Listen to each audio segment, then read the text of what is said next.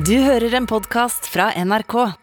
I et program som Debatten skal det selvfølgelig også være rom for helt enestående, unike og anekdotiske fortellinger. Men det er klart at når historiene som finnes der ute blant nordmenn, lar seg bekrefte av statistikk, eller kanskje egentlig omvendt, statistikken bekrefter at menneskene fins, det er da jeg føler at vi kan tjene en stor hensikt med vår journalistikk. Og jeg tror egentlig ikke jeg skal si så veldig mye mer enn det. Du får høre selv.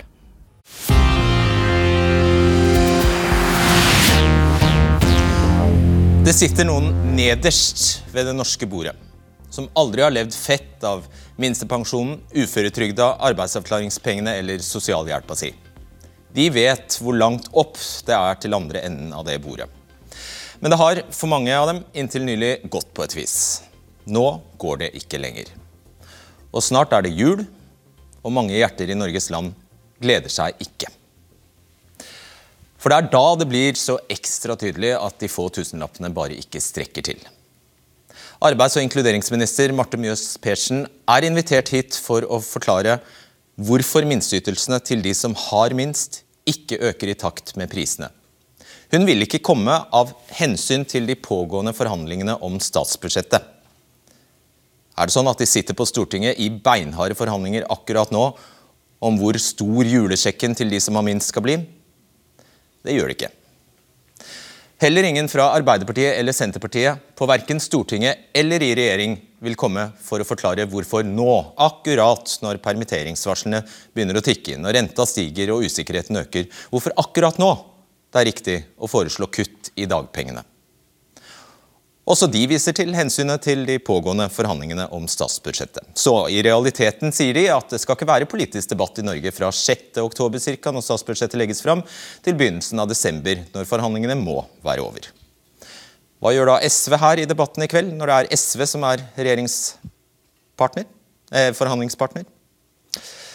Så Derfor blir eh, dette i kveld litt skjevt. Det blir også skjevt fordi Høyre, som er enig med regjeringen i disse spørsmålene, vil heller ikke stille, så lenge Arbeiderpartiet og Senterpartiet ikke stiller. Men verden og den norske virkeligheten er skjev. Norge er skjevfordelt. Velkommen Renate Søderlund, Katrine Dahl Bjerke, Amalie Engen og Elisabeth Thorsen. Renate Søderlund, du er en 46 år gammel mamma. Det er jeg. Du var ute for en stygg bilulykke for 20 år siden, har prøvd deg i jobb, har prøvd deg med utdanning, har ikke klart å gjennomføre det. Eh, hvordan er situasjonen din i dag? Den er fastlåst. Jeg har gått på AAP, altså arbeidsavklaringspenger, nå i seks år. Eh, og jeg veit ikke helt hvor veien videre går. Jeg får ikke noen tilbakemeldinger fra Nav. Og jeg lever i, i fattigdom med med vesla mi. Men jeg gjør det jeg kan for at ikke hun skal merke noe til det. Og du lever på i underkant av 20 000 kroner. Du har ikke råd til en sånn ting som innboforsikring. Hvordan, hvordan klarer du det? Mm, det vet jeg ikke helt. Men uh, jeg har uh, jeg har heldigvis voksne barn som, uh, som, stiller opp og hjelper mammaen sin. Og så har jeg jeg har eh, foreldre som eh, også hjelper eh, datteren sin. De er i midten av 70-åra. Jeg syns ikke det tar seg ut at de skal Du er 46 år og får hjelp av foreldrene dine? Ja, det er riktig.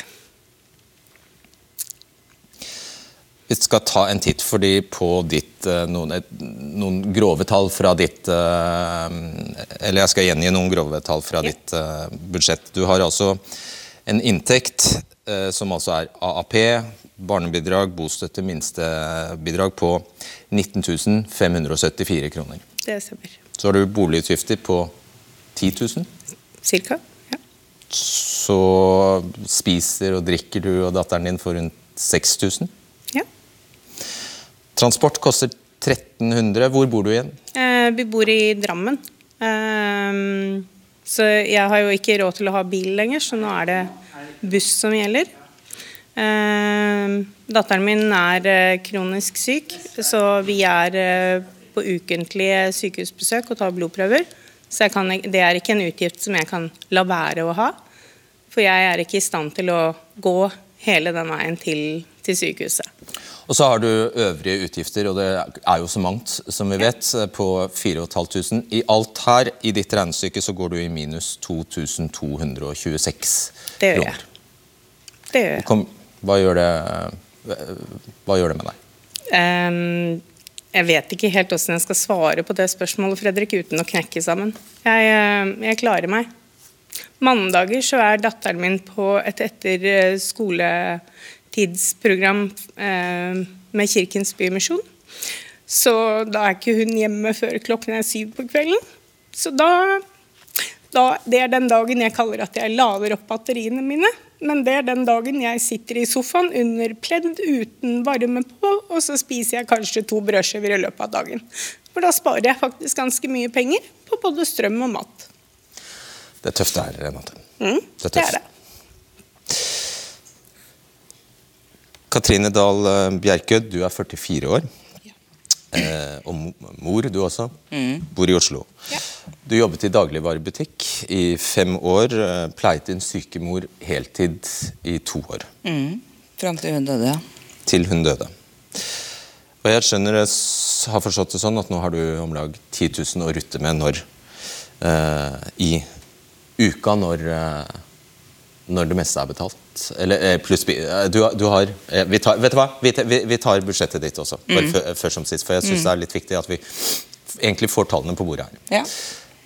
Du har altså en inntekt på drøyt 13 000, Katrine. Mm. Det er inkludert barne, Det er inkludert barnebidrag. eller barnetrygd. Eh, så har du boligutgifter på 10 000 ca. Mat og drikke 1500. Det er ikke så veldig mye. Nei. Transport 1000 kroner, diverse 400, og da sitter du altså igjen med 154 kroner, Katrine. Katrine. Hvordan påvirker det livet ditt? Eh, nei, altså, jeg lever jo etter det jeg har. Sånn sett, når alle regninger og sånt er betalt. Men eh, det går jo utover eh, Jeg har merket nå det siste året, så er det gått utover psyken min. Så Ja, det påvirker hverdagen. Jeg skjønner at du må takke, Når man er i en sånn situasjon, så må man takke nei til bursdager. Ja. Kulturtilbud, man holder seg unna familie pga. skam. For at man ikke har At ikke pengene strekker til. Du kjøper en sekspakk med medisterkaker. Ja, det holder i tre dager. Eh, og nå når alt blir dyrere, hvordan har du konkret merket det?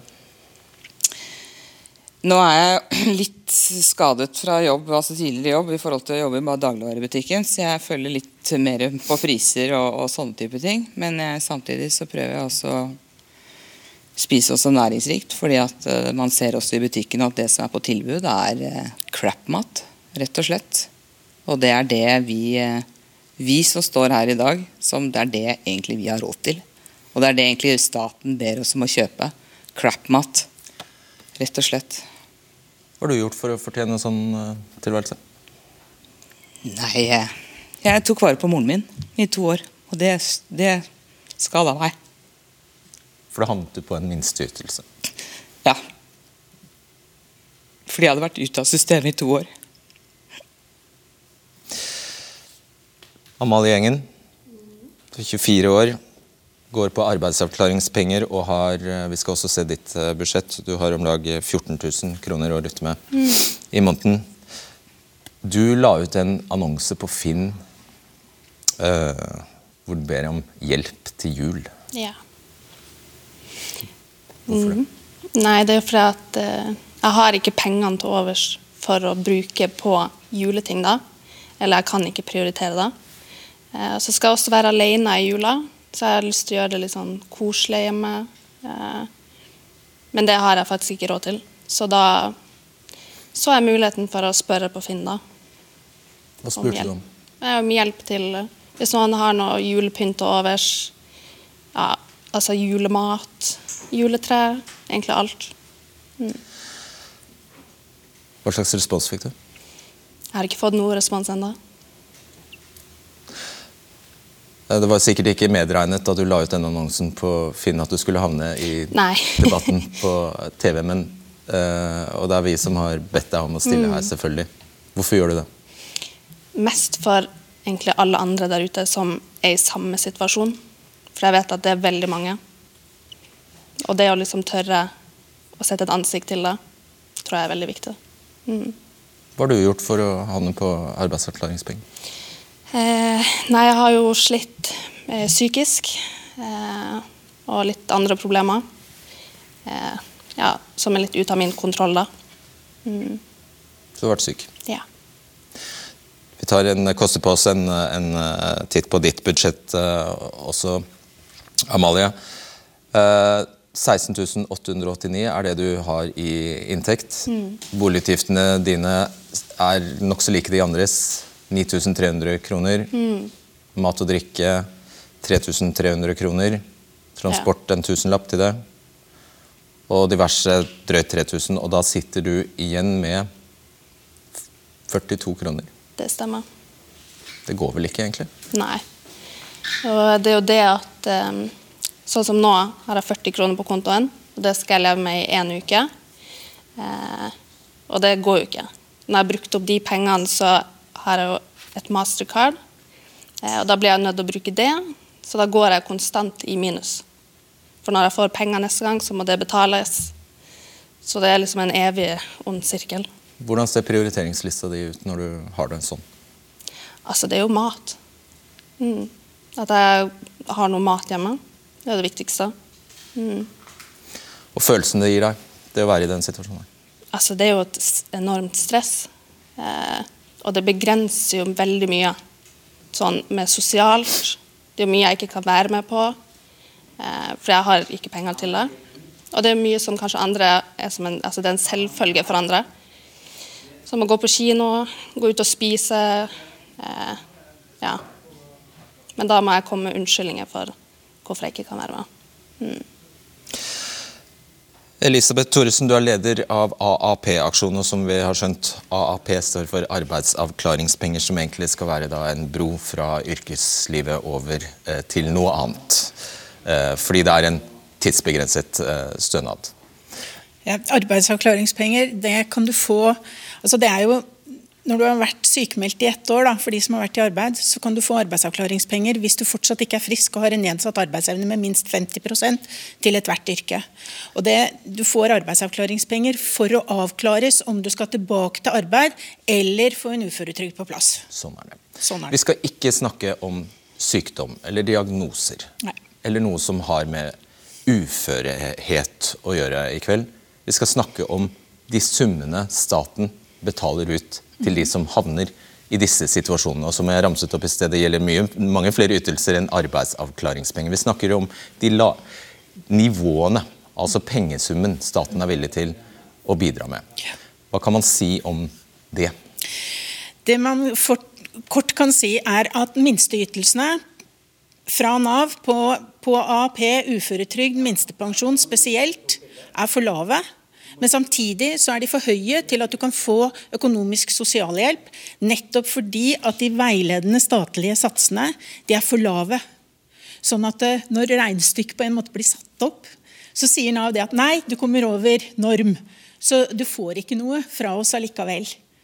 Du kan selvfølgelig søke nødhjelp, sånn som mange her sikkert burde ha gjort. Men for veldig mange så er det forbundet med så mye usikkerhet i forbindelse med hva de må legge frem av dokumentasjon, de må, hvordan de må brette ut livet sitt for Nav, at det å stille seg i en matkø utenfor en privat organisasjon er mye enklere. For der er det nemlig ingen som spør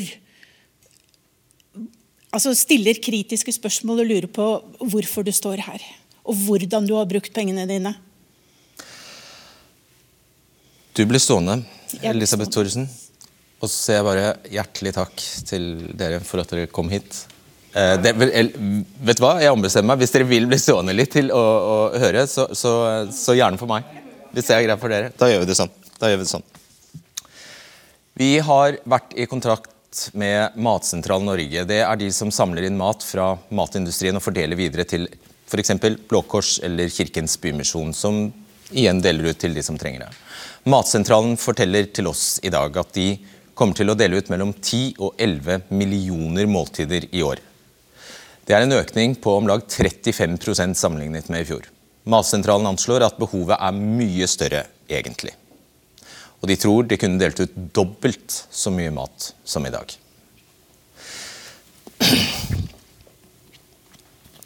Vi har også snakket med Frelsesarmeen.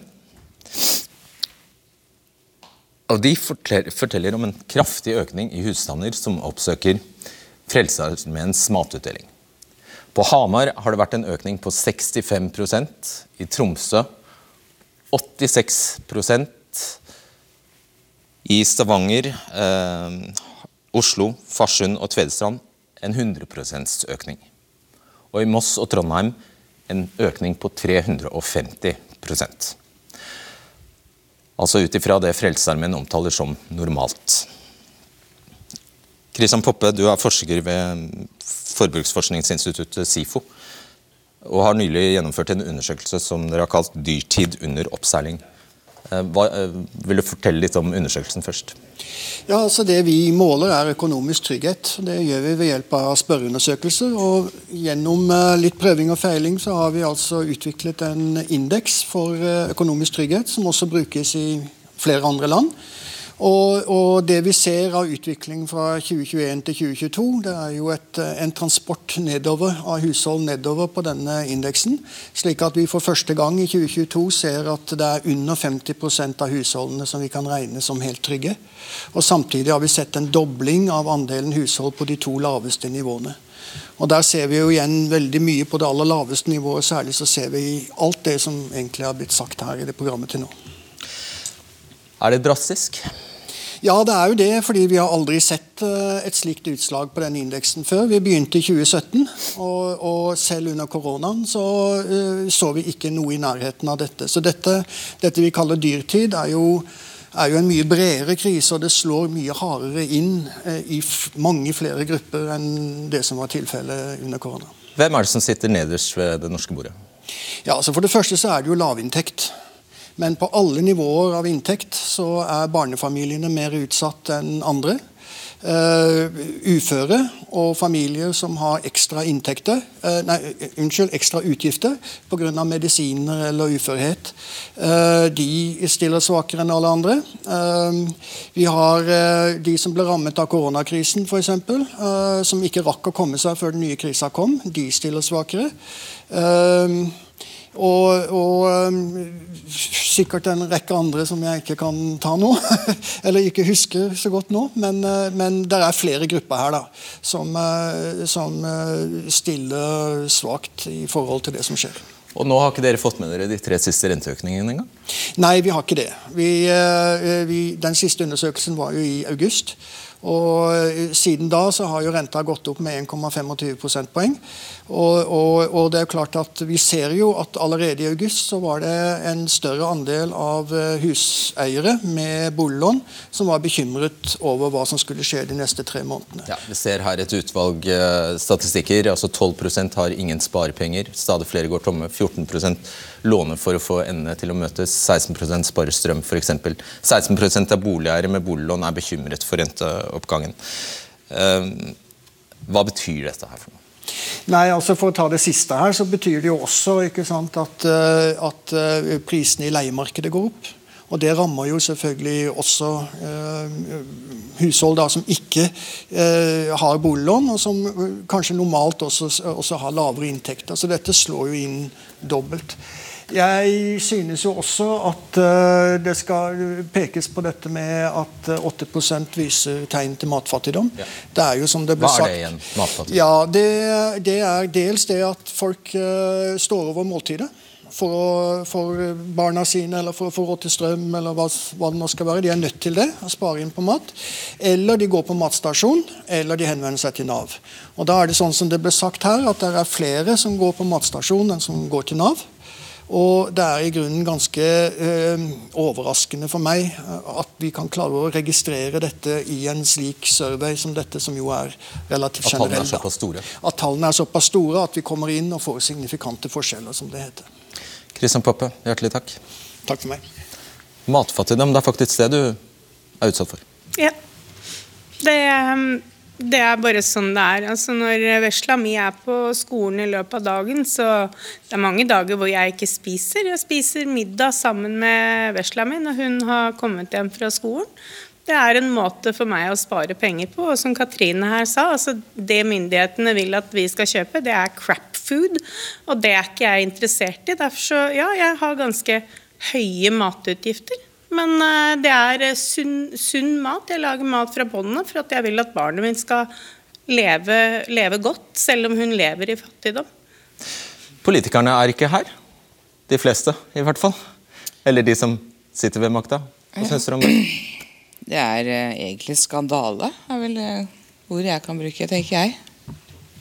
Syns det er utrolig skuffende at de som sitter med den reelle makta, ikke gidder å komme og møte oss grasrotfolk som lever i disse forholdene som de har skapt. Altså, det viser egentlig bare hva de prioriterer da. De velger å prioritere bort litt det her. For dette er mulig å gjøre noe med. Dette er ikke utenfor, utenfor noens kontroll. Nei, nei. Dette kan gjøres noe med. Man kan øke ytelsene fra Nav, og man kan sette dem opp på et ordentlig nivå, sånn at, sånn at alle som mottar ytelser fra Nav, kan leve et verdig liv og ha mat å sette på bordet og ha nok penger til løpende utgifter. Og Det er altså så hjerteskjærende å høre på de historier som kommer fram her, at ord blir bare fattige. Det er ikke sånn vi skal ha det i Norge. En varm takk til dere. Tusen takk for at dere kom. Takk for at vi fikk komme. Hva ofrer du nå, som du tok deg råd til for et år siden? Du må gjerne dele dine erfaringer på nrk.no Fredrik Solvang. For husk, debatten blir ikke til i et vakuum. Vi blir til i et samspill mellom dere, seere og oss, så jeg setter veldig pris på tilbakemeldingene deres. Her har vi fått inn SV-nestleder Kirsti Bergstø, stortingsrepresentant for Rødt Mimir Kristjansson, stortingsrepresentant for KrF Kjell Ingolf Ropstad, karriererådgiver Vigdis Lamberg og NITO-advokat Andreas Moen. Skal vi ta en rask reaksjon på det vi har vært vitne til her? Starte med deg, kanskje? Altså, både som folkevalgt og som mamma, eh, så er det jo sterkt å høre. Eh, og situasjonen for veldig mange blir stadig mer krevende. Det er en dyrtid som som virkelig eh, krever mer økonomisk omfordeling eh, for at folk skal ha en grunnleggende trygghet i liv og hverdag nå. Og det å få virkeligheten beskrevet akkurat sånn som det er, er kjempeviktig. For her er det mange som går med skyld og med skam, som vi er nødt til å ta bort fra den enkelte skuldre og løfte opp som fellesskap. Hva kan dere politikere gjøre for å lette den byrden vi nettopp har fått beskrevet? Det er å øke minstesatsene i velferdsstaten. De minstesatsene går det ikke an å leve av. De er langt under eh, det som er fattigdomsgrensen. Og disse menneskene de forteller jo at de skammer seg, men de som burde skamme seg, det er jo de menneskene som sitter på Stortinget og tillater at dette her skjer i et land som altså er så rikt, som har så sjukt mye penger, at denne type fattigdom, denne typen problemer, de burde vært helt unødvendige. Og det er egentlig grunnen det aller mest uforståelige med det vi har hørt her i dag. De problemene her hadde vi ikke trengt å hatt hvis vi bare hadde tatt grep og ordna opp i dem. Hvorfor har vi sånne problemer, også? Jeg tror det er mange ting som spiller inn. Eh, og det jeg sitter og tenker mest på, er jo Hvorfor klarer vi ikke å stoppe eller hjelpe på et mye tidligere stadium? Når en snakker om lavinntekt i Norge, så er det jo veldig ofte at en havner utenfor jobb. Den store forskjellen i Norge er jo om en er klart å få en jobb. Så det å gi lavterskel psykisk helsehjelp, det å komme med tiltak for å komme i jobb så tidlig som mulig, hindre at en dropper ut av skolen, alt det. Men det som jeg blir på en måte sjokkert over i disse tidene nå, det er jo at selv om du har en vanlig jobb, så er ikke det nok engang.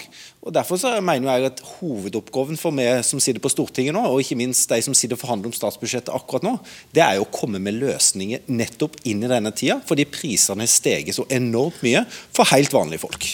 Du har kanskje fått med deg at regjeringen vil kutte i antallet som kan få dagpenger, og hvor mye de kan få i dagpenger. Det du muligens ikke har fått med deg, er følgende, og nå må du spisse ørene.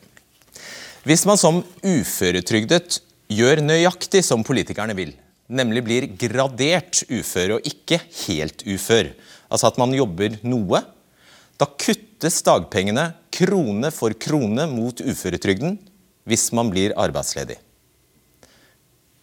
Sant? Politikerne vil for alt i verden ikke at det skal lønne seg å være ufør. Så Derfor har de lagd regler som tar fra de som både er uføre og samtidig mister jobben, dagpengene. Og Du har stilt et spørsmål i Stortinget om dette, Bergstø, til statsråden Mjøs Persen, som ikke er her, og spurte hvordan kan dette ha seg. Hva svarte hun da i korte trekk? Eh, Hun svarte at eh, det er sånn fordi de ønsker at det skal være sånn. Eh, fordi Det er jo det som er tilfellet. Alle sånne regler kommer fordi at det er et flertall som har stemt for det. og Akkurat denne reglene har jo også regjeringspartiene stemt eh, for. eh, og Det er jo en av mange såkalte uførefeller, som rett og slett handler om at de som, som ikke er helt uføre, men klarer å jobbe litt, havner i økonomiske uføre på ulike måter. Og Det er jo dypt urimelig når man jobber det man klarer, til tross for at helsa har svikta. Tone Samuelsen, du er med oss fra Bergen. Du er delvis ufør. Det jeg nettopp beskrev, skjedde deg. Du mistet dagpengene fordi du, også, altså du er altså uføretrygdet, men du jobbet litt også. Hva skjedde? Ja, eh, For noen år siden så fikk jeg eh, en kronisk sykdom med følgesykdom. Det resulterte i at jeg ble delvis ufør, dvs. Si at jeg har en restarbeidsevne, så jeg kan jobbe litt. Jeg fikk innvilget eh, gradert uføretrygd på det grunnlaget.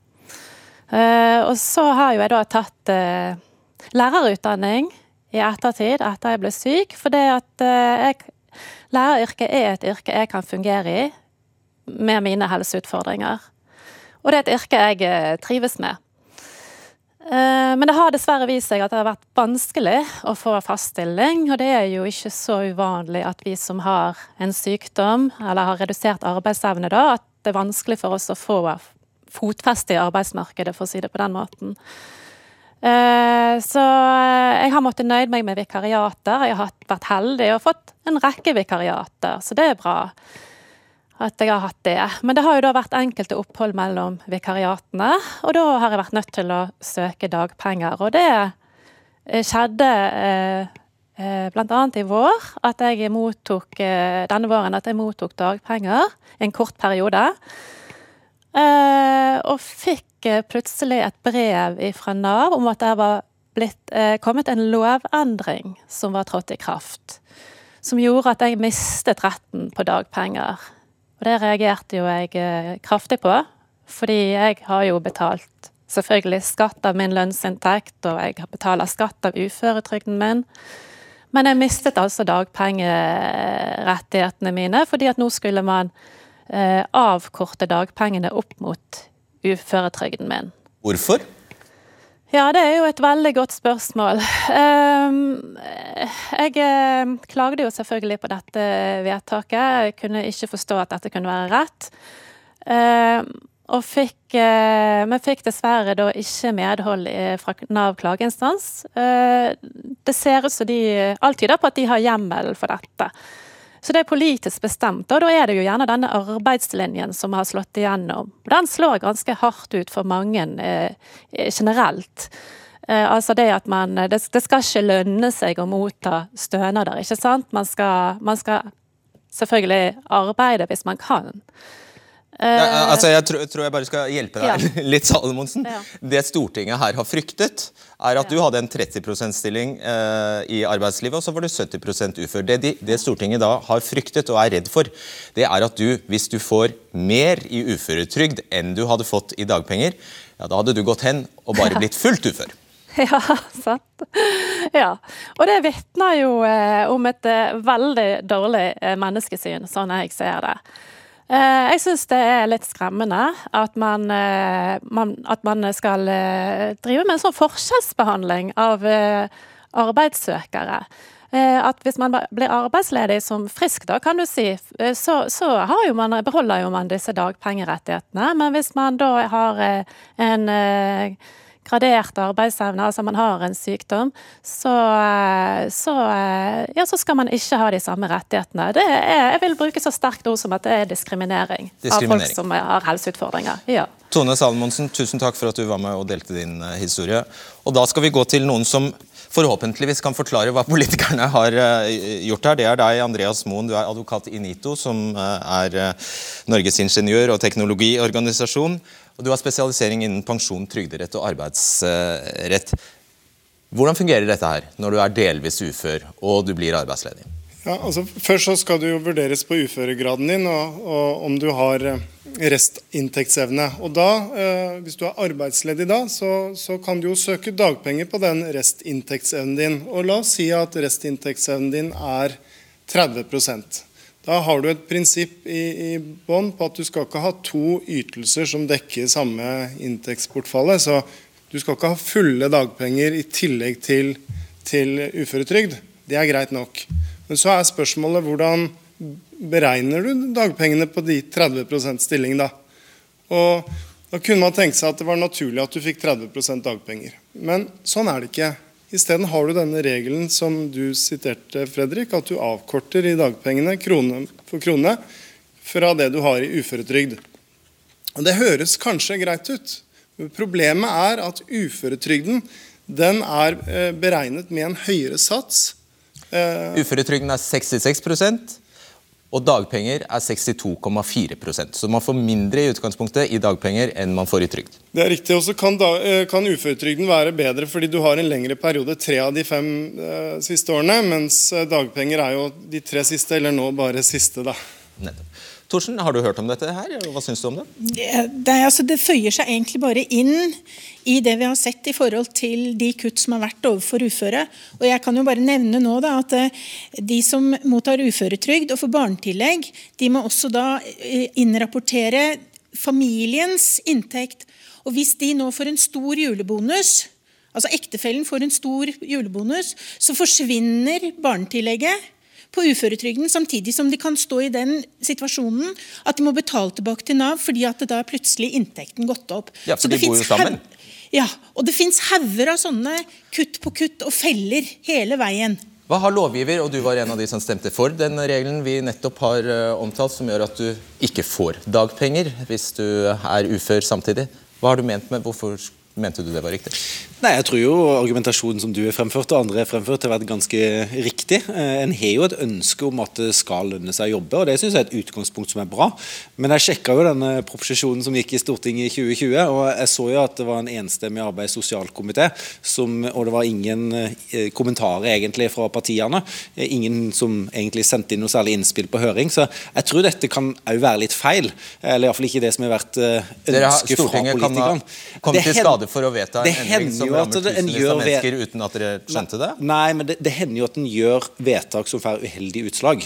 og Derfor så tenker jeg at det vil være naturlig å se på en sånn ting som dette, for å se om det er sånn at det, det er et uheldig utslag. Og jeg må jo bare si Når jeg hører dette eksempelet, så er det jo åpenbart at her er det noe som ikke stemmer. For jeg støtter prinsippet om at du får høyere uføretrygd, for det betyr en varig ute av arbeidsliv enn det du f.eks. gjør på dagpenger. Men vi vil jo at de skal prøve så godt de kan for å jobbe. Altså, Jeg er så lei av å høre politikere som sier det her, det skal lønne seg å jobbe. Altså For det første, det lønner seg alltid, alltid, alltid å jobbe. For det andre, vi hadde nettopp tre mennesker her inne som gikk på AAP og andre stønader. Det er jo ikke sånn at de lever et fett liv. Det er jo ikke sånn at de velger å det er lukrativt å være syk, og det er lukrativt å miste jobben, og det er lukrativt å bli ufør. Folk for alle praktiske formål vil jobbe, og jeg opplever egentlig at de som går på trygd, vil jobbe mer enn andre, for de savner det jo.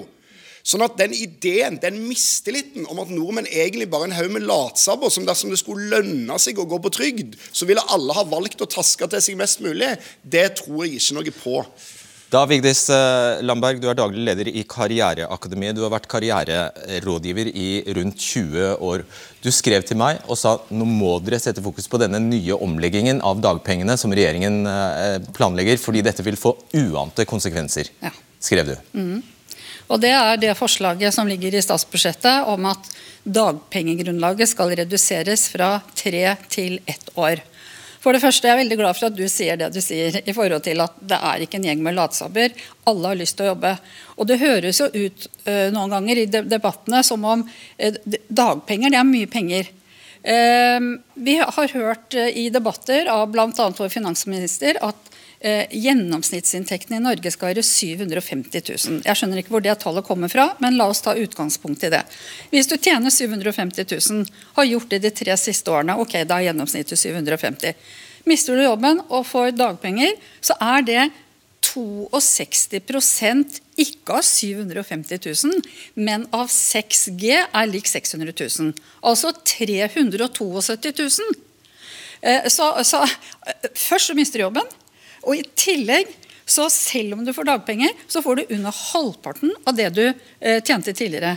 Eh, og du har kanskje familie, barn som forventer å gå på fritidssysler. Eh, man har sine vaner, så det, det blir dobbelt dramatisk. Det er et stramt budsjett, sier regjeringen. Her er det 200 millioner kroner å spare. Ja, Samtidig som det koster ca. 430 millioner å oppløse Viken. Hallo, det er samme budsjett, det er statsbudsjettet, det er skattepengene våre. Eh, og, og jeg må også si en ting i forhold til eh, det ene året. Hvis det er ett år som nå da, eh, hvis det, det går gjennom, det håper jeg det ikke gjør, eh, ett års grunnlag for dagpenger. Tenk deg gründere. Det oppfordres til at folk skal starte for seg selv. Man skal leve ut drømmen. Tall fra Innovasjon Norge viser at kun 5% av startups lykkes. Som gründer så tar man jo ikke ut penger det første året. Man bruker sine egne sparepenger, familiens sparepenger, får støtte fra folk man kjenner. Og så går drømmen i knas, og så tror man at man får dagpenger. Men man har jo ikke tatt ut penger det året. Så da får man ingen dagpenger? Da får man ingen dagpenger. Vet du hva? Jeg skal bare sitere Tuva Moflag, Arbeiderpartiets stortingsrepresentant, som også er invitert, men som heller ikke ville komme. Hun sier at eh, om dette forslaget vi nå diskuterer, da, altså at man skal endre, stramme inn reglene, sånn at færre får dagpenger, og gjøre det vanskeligere å få dagpenger, og de skal også få mindre utbetalt. Til dette forslaget så svarer hun dette er en utvidelse for en sosial styrking av ordningen. Ja, Det er å snu ting fullstendig på haug, eh, for det, det er det jo ikke. Eh, og Hadde det vært en utvidelse, en sosial styrking, så hadde man jo ikke spart 190 millioner på det. Eh, og så har vi jo... Hvorfor det er så få arbeidsledige nå?